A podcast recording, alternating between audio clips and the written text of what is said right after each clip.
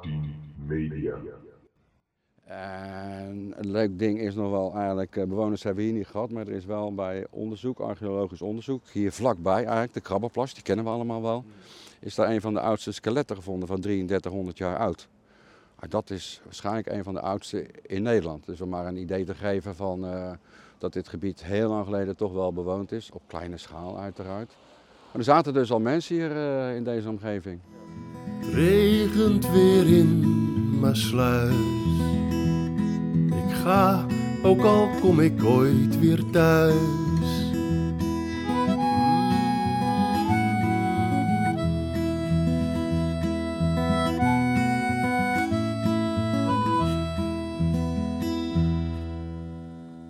Hallo allemaal en welkom bij de dertigste aflevering van deze, eh, van de Masluizen podcast. Niet zozeer van deze, maar van de Masluizen podcast. En wij staan eigenlijk weer op een plek waar wij, of niet dezelfde plek waar we hebben gestaan in een aantal afleveringen. Maar toch wel aan een onderdeel wat gewoon een heel bekend onderdeel is van de Masluizen geschiedenis. En wat ook een bekend onderdeel zal eh, zijn van de Masluizen toekomst. eh, namelijk de Nieuwe Waterweg. En het heet, heette ooit het Scheur, daar gaan we het heel kort natuurlijk nog over hebben. Ehm, maar deze aflevering is speciaal in het kader van het 150-jarig bestaan van de Nieuwe Waterweg. Dus we gaan eh, voor de verandering niet vertellen, in ieder geval met ja, aangeven waar we staan. Want ja, we kijken hier nu naar de Staaldiep. Dat is de, ik wil zeggen de reservepont, maar dat is meer de pont voor de spits volgens mij ook. Dat de twee tegelijkertijd gaan. Maar 150 jaar Nieuwe Waterweg. Vertel. Vertel. Nou, we beginnen nog eens een keer aan het begin. Het is, eh, Ja, dat is misschien wel even slim, ja. Nou ja, eh, aan het begin natuurlijk beginnen. we. Het is, eh, we staan nu eigenlijk op vaste grond. Maar dit is een heel groot, eh, breed eh, uitloopgebied geweest van de rivier de, de Rijn en de Maas. De Waal eigenlijk. Een stukje verder bij eh, Vlaardingen komt op het ogenblik de Oude Maas erbij. En van de Oude Maas tot de Keersluis, de Water- Maaslandkering, heet dan het Scheur. En nog steeds officieel het Scheur. En daarna heet het pas Nieuwe Waterweg. Maar toen de tijd, nou dan ga je terug naar, ja, heel, Ja, heel lang geleden, het, was dit eh, een heel breed uitstroomgebied van de rivieren. Niet diep, omdat het zo breed was, weinig stroom. Dus het zat allemaal vol met ondieptes. En ja, dat heeft heel lang geduurd voordat het deze vorm heeft gekregen zoals we nu naar staan te kijken. Ja, en we, hebben, we gaan een aantal elementen uit wellicht eerdere aflevering toch wel even behandelen. Ook omdat het gewoon goed is om aan te geven van nou, wat, wat is eigenlijk een soort de voorgeschiedenis van, eh, van het scheur van de Nieuwe Waterweg. Nou, het was dus inderdaad een, een, een hele ondiepe, langzaam stromende delta. Die toen de tijd, ja, als je het echt hebt over voordat Maaslandsluis begon, ja, vooral heel erg zijn eigen weg ging. Ja. Had gewoon een vrij stroomgebied. Ehm, nou, en toen eh, kwamen er wel hier en daar natuurlijk wat mensen wonen. Dus ontstonden wat zandbanken. Waarschijnlijk woonden daar vissers. Eh, mensen die in ieder geval leefden van de zee. Bij slecht weer moesten ze dan wel natuurlijk weer gaan. Ja. Ehm, en hier en daar ontstonden natuurlijk nederzettingen, omdat er nou, dus veel vis te vangen was. Dus ik denk dat dat sowieso belangrijk is. Dijken natuurlijk, eh, om een beetje eh, natuurlijk het water eh, te, ja, Buitenshuis te houden. buitenshuis te houden. Ja, dat is al heel kleinschalig begonnen. Hè. We hadden net over die vissers die dan eh, hier zaten, zalmvissers met name en zo. Maar ook eh, richting het Westland, dat was toen ook allemaal water. Mhm. Niet voor te stellen, maar was allemaal water. Monster was het eerste eh, dorp wat eigenlijk eh, op de kaarten voorkomt. Eh, daarna Schravenzanden. En je had natuurlijk die, die vissers die er zaten en die probeerden hun huisje te beschermen. En die bouwden een klein dijkje eromheen. En het kleine dijkje is allemaal aan elkaar verbonden en groter geworden, et cetera. En een leuk ding is nog wel eigenlijk, eh, bewoners hebben we hier niet gehad, maar er is wel bij onderzoek, archeologisch onderzoek, hier vlakbij eigenlijk, de Krabbenplas, die kennen we allemaal wel, Mhm. is daar een van de oudste skeletten gevonden van 3300 jaar oud. Dat is waarschijnlijk een van de oudste in Nederland. Dus om maar een idee te geven van eh, dat dit gebied heel lang geleden toch wel bewoond is, op kleine schaal uiteraard. Maar er zaten dus al mensen hier eh, in deze omgeving. En die mensen, nou ja, die gingen uiteraard eh, hier ook wonen en blijfden wonen en, en leefden op het water, leefden van het water. Eh, hadden toen de tijd nog wel probleem, grotere problemen met hoogwater, met vloeden. Ja. We hebben een hele aparte aflevering over vloeden, eh, nummertje 3, dus mocht je dat nog weten. Eh, maar een van de grootste vloeden die hier toen de tijd is geweest, 1421, die Sint Elisabethsvloed, Ja. die heeft wel aardig huis gehouden hier in de omgeving. Ja, die heeft een hele grote impact gehad op eh, de waterstroom gebied. Mhm. Eh, de Biesbos is ontstaan, dat is een heel groot waterrijk gebied is dat geworden. Ontstaan door die vloed. Door die vloed, ja, er zijn hele stukken land weggeslagen toen de tijd. Dat was, je moet eigenlijk ook zo zien dat dit gewoon waar we nu allemaal staan. En aan de overkant kijk je naar de vuilverbranding en verolmen en noem maar op en zo. Dat was gewoon allemaal water en zandbanken. En dus een storm die had grote impact. Dichter, eh, verder het land inwaarts. En één daarvan was de Biesbos, die is ontstaan toen, waardoor de uitstroomgebied van de Rijn en de, en de Maas heel anders ging lopen dan daarvoor.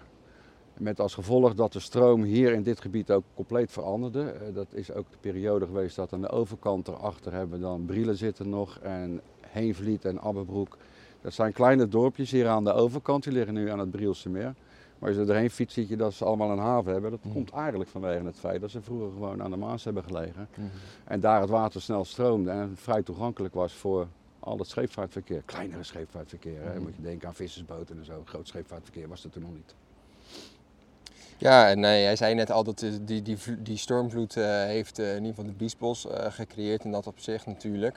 Wat er dus ook voor zorgde, wat je zei, is dat de stroomsnelheid eh, in de, nou, de Maas hier afnam. Nou, bij Hoek van Holland ontstond daardoor een soort, ja, aan het uiteinde een soort haak. Ja. Een soort grote zand, eh, Zandduin. zandtuin met Ja. de punt richting het zuiden. Ja. Waardoor, die, waardoor eigenlijk die riviermonding in de zee ook opeens heel gek liep. Ja, die, werd, eh, die ging heel anders lopen. En de haak was een eh, groot gebied. Het liep eigenlijk door tot het uiteinde daarvan kwam eigenlijk in die euro op die Maasvlakte terecht, waar je nou die grote containerschepen ziet liggen. Tot daar liep het helemaal door. Dus dat was een hele grote belemmering voor de uitvaart en met name Rotterdam probeerde te ontstaan, zich te ontwikkelen als haven en ondervond, hele grote problemen daardoor. Er zijn alternatieven bedacht in, in, in, in die jaren. Eh, omvaren via Dordrecht en zo, maar ja, dat kostte zo verschrikkelijk veel tijd. Ja. Dus er moesten andere plannen komen om Rotterdam beter bereikbaar te maken. Maar Maasluis bestond uiteraard nog niet. Eh, maar er kwamen steeds meer zandbanken hier voor de kust te liggen, voor de kust van Maasluis in dit geval dan deze omgeving. En we kijken op het eiland Rozenburg. Het is een eiland. Vroeger was dat maar gewoon één zandbank, twee Ja. zandbanken, vier zandbanken. En op een gegeven moment zijn die aan elkaar geplakt. En toen dat aan elkaar eh, één één grote zandbank werd, met een dijk eromheen, toen werd die rivier eigenlijk in tweeën gesplitst. De, de Maas en, en, en, en de Waal en werd dan in tweeën gesplitst. Dit stuk is dan eh, genoemd het Scheur toen de tijd. Mhm. En de andere kant was de oude Maas, de uitstroom richting, richting zee. Ja, en nu zit ik wel alleen even te bedenken, waarom eigenlijk het scheur? Weten, Ja. Weten we eigenlijk die naam Eigenlijk helemaal precies weet ik dat niet. Is een scheur van de rivier, zou je iets, iets Mm. bij voor kunnen stellen natuurlijk. Mm. Het gedeelte werd in tweeën gesplitst daar. eh, en dat begon dus hier bij, eh, ja, bij, bij waar de Ma- oude Maas op het ogenblik uitstroomt. En daar is eigenlijk het eiland Rozenburg ontstaan. En steeds groter geworden, dat weten we nu wel. Ja. En op dat moment, wat we het natuurlijk al zeiden, zeker na die vloed, eh, de diepte van het scheur was natuurlijk eh, minimaal. Het was, het was sowieso daarvoor al een ondiepe delta, maar ehm, het, het, wa- het was ook voor de, va- voor de schepen niet zo heel erg diep. Een metertje of vier volgens Ja. mij. Nou, dat was ook, eh, toen de tijd was het zeker voor mijn sluis niet van belang, die visserschepen die, die je toen had. Eh, die hadden niet meer diepgang dan, dan een meter waarschijnlijk. Maar goed, er begonnen toen ook grotere schepen te komen. En dat was wel een probleem, want 3, 4 meter is natuurlijk niet zo gek veel. Eh, Willem van Oranje eh, in eh jaartal ben ik even kwijt. Die heeft toen voorgesteld om een kanaal te graven door het eiland Voorne heen. Om vanuit de Hellevoetsluis tot hier aan de overkant bij, voor mij bij Heenvliet. Daar komt hij dan uit dat kanaal. En die had vooral weer een diepte van 5,5 meter. Dus dan konden er alweer grotere schepen doorheen. Ja. En nou ja, op een gegeven moment is er natuurlijk, eh, kwamen ze erachter, de, Nederland floreerde. En dat is een lekker woord altijd om te gebruiken. Maar ja, het, het ontwikkelde zich natuurlijk supersnel. De haven van Rotterdam natuurlijk ook. Dus er waren eigenlijk zo rond die tijd, en zeker al voor 1800, al plannen om in ieder geval hier iets aan te doen aan dat stuk water. Ja. En ik heb begrepen dat eh, meneer Johan Krukies, Krukjes, ja. Krukius, eh, nou vind ik die achternaam bijzonder, omdat een, een basisschoolvriendin van mij, die is in het stad of dorp Krukjes gaan wonen. Ja. Nog nooit van gehoord. En nu kom ik het in een korte tijd twee keer tegen. Maar die had al eigenlijk een plan gemaakt om, om in ieder geval iets, iets eh, meer rechte. ja. Gewoon rechtdoor en, en ook al een doorgraving te maken naar, eh, eh, bij Hoek van Holland er doorheen al. Hmm. Maar de kosten waren zo hoog en men zag de meerwaarde op dat moment nog niet in. Dus dat is verdwenen. Meneer Krukjes, Nicolaas Krukjes, is ook heel bekend geworden van, van de Haarlemmermeerpolder, het droogleggen van de Haarlemmermeer. En daar heeft hij de grootste bekendheid van Mm. gekregen. Hij heeft dan een aantal eh, pompen ontwikkeld. Eh, het idee was aanvankelijk om een paar honderd windmolens te zetten om die Haarlemmermeer droog te, te malen. En dat was natuurlijk een beetje te gekke werk toen de tijd. En hij heeft toen een eh, pomp uitgevonden waardoor je met minder pompen ook die Haarlemmermeerpolder kon droog krijgen. Eh, vandaar is die, heeft hij hele bekende naam gekregen. Niet van die, die plannen die hij had, want die zijn in, in de doofpot geraakt, die zijn weer eh, weg. Of niet in de doofpot, die zijn eh, nooit uitgevoerd. Ja. Dus, eh, maar die had de plannen al en die had een vooruitziende blik, alleen te vooruitziend voor die tijd. Ja. Want ja, je moet bedenken, het gaat nu over 1700 en toen eh, ja, hing natuurlijk een kostenplaatje aan en veel geld was er toen de tijd niet. Nee. nee, dat is het. Maar ja, uiteindelijk weegde dus de, de baten niet op tegen de kosten. Ehm, maar naarmate de jaren weer vorderden, ja, het bleef maar ontwikkelen. En Nederland werd natuurlijk steeds, eh, tenminste qua industrie, een groter land. Ja, en op een gegeven moment kwam er denk ik wel een punt dat, dat het echt wel broodnodig was. Ja. En dat eh, was dus in het jaar 1872. Nou, in 1857 eh, werden er al plannen, nieuwe plannen in ieder geval gemaakt.